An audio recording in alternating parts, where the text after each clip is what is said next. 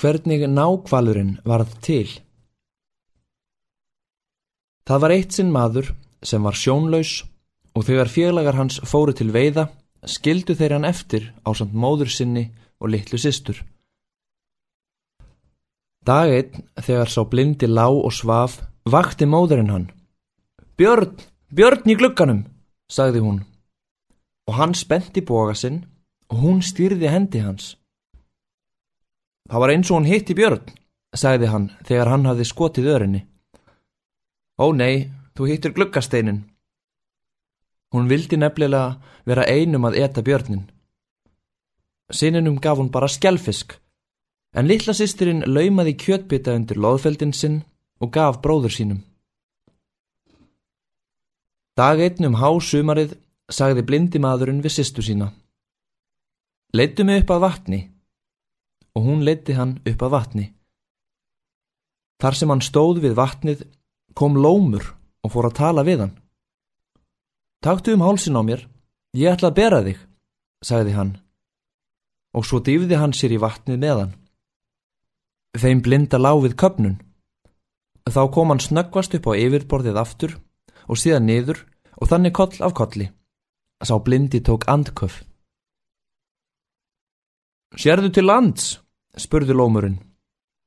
Ég sé, hrópaði maðurinn, en lómurinn dýfði sér á ný og sama sagan endur tók sig.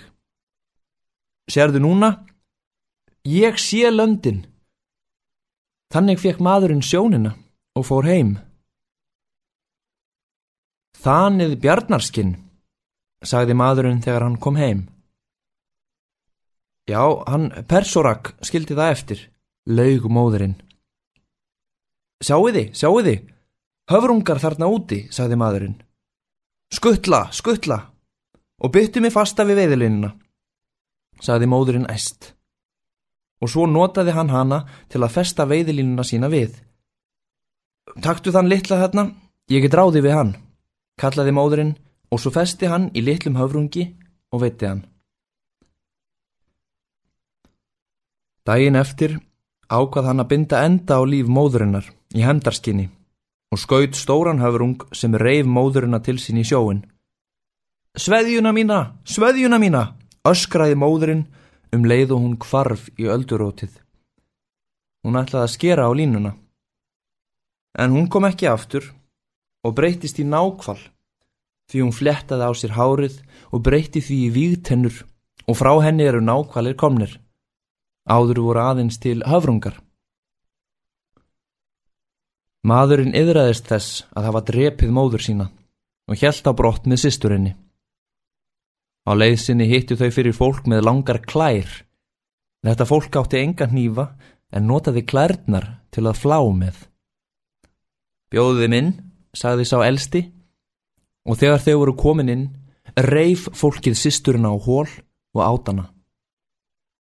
Hvers vegna getiði hana? Rópaði bróðurinn í reyðisinni og drap fólkið með rostungstönn. Svo sapnaði hann beinum sýstur sinna saman og setti þau í póka og hjælt á brott með þau. Hann var mikill seðmaður og þar sem hann bar sýsturina svona á bakinu fór hún smátt og smátt að lifna við og loks fór hún að tala. Bróðir, láttu mér batna og nú var orðið þungt að bera hana. Bróðir, ég vil ganga sjálf og hún fór að ganga. Nú komu þau til manna, manna sem höfðu engan rass í afturendanum, heldur í höndunum. Harna fekk bróðurinn sér konu en sýsterinn mann. Kona bróðursins varð ófrísk og einni sýsterinn.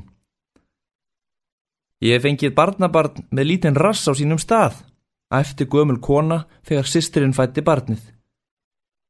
Hvar er kjötpinnin minn? Hvar er kjötpinnin minn? hrjópaði kettlingin og svo stakk hún sig í afturendan til að fá það rass líka en datt um koll og dó.